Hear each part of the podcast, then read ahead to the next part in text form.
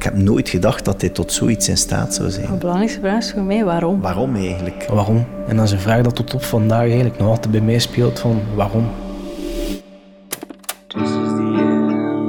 Dit is Bjorn, 18 jaar oud.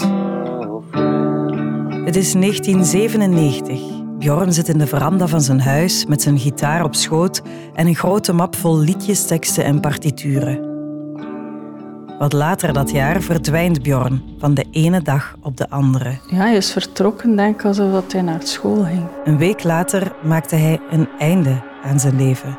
Samen met een vriend waar niemand van ons ooit van had gehoord.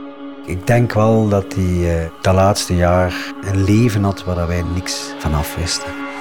En ik? Ik begrijp er niks van. Ik weet dat jij op het moment dat je komen vertellen bent, dat jij ongelooflijk veel verdriet had en compleet van de kaart was. 22 jaar lang is er geen woord over Bjorn gezegd. Hebben we niet gezocht naar antwoorden, zat Bjorn opgesloten in onze hoofden.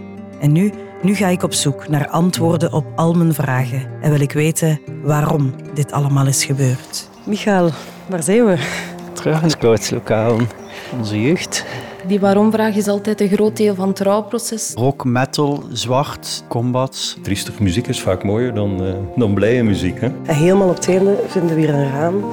Het raam waar we daarnet hebben ondergestaan. hè. Achteraf heb ik een gevoel van machteloosheid gehad. Dat is dan het lastige. Hè? Als je niet weet waarom, dan zoek je en blijf je maar zoeken. Hè? Waarom? Een vijfdelige podcast over vriendschap, onverwerkt verdriet en de donkere kant van de jaren 90. Vanaf 16 april in je podcast-app of op vpro.nl/waarom.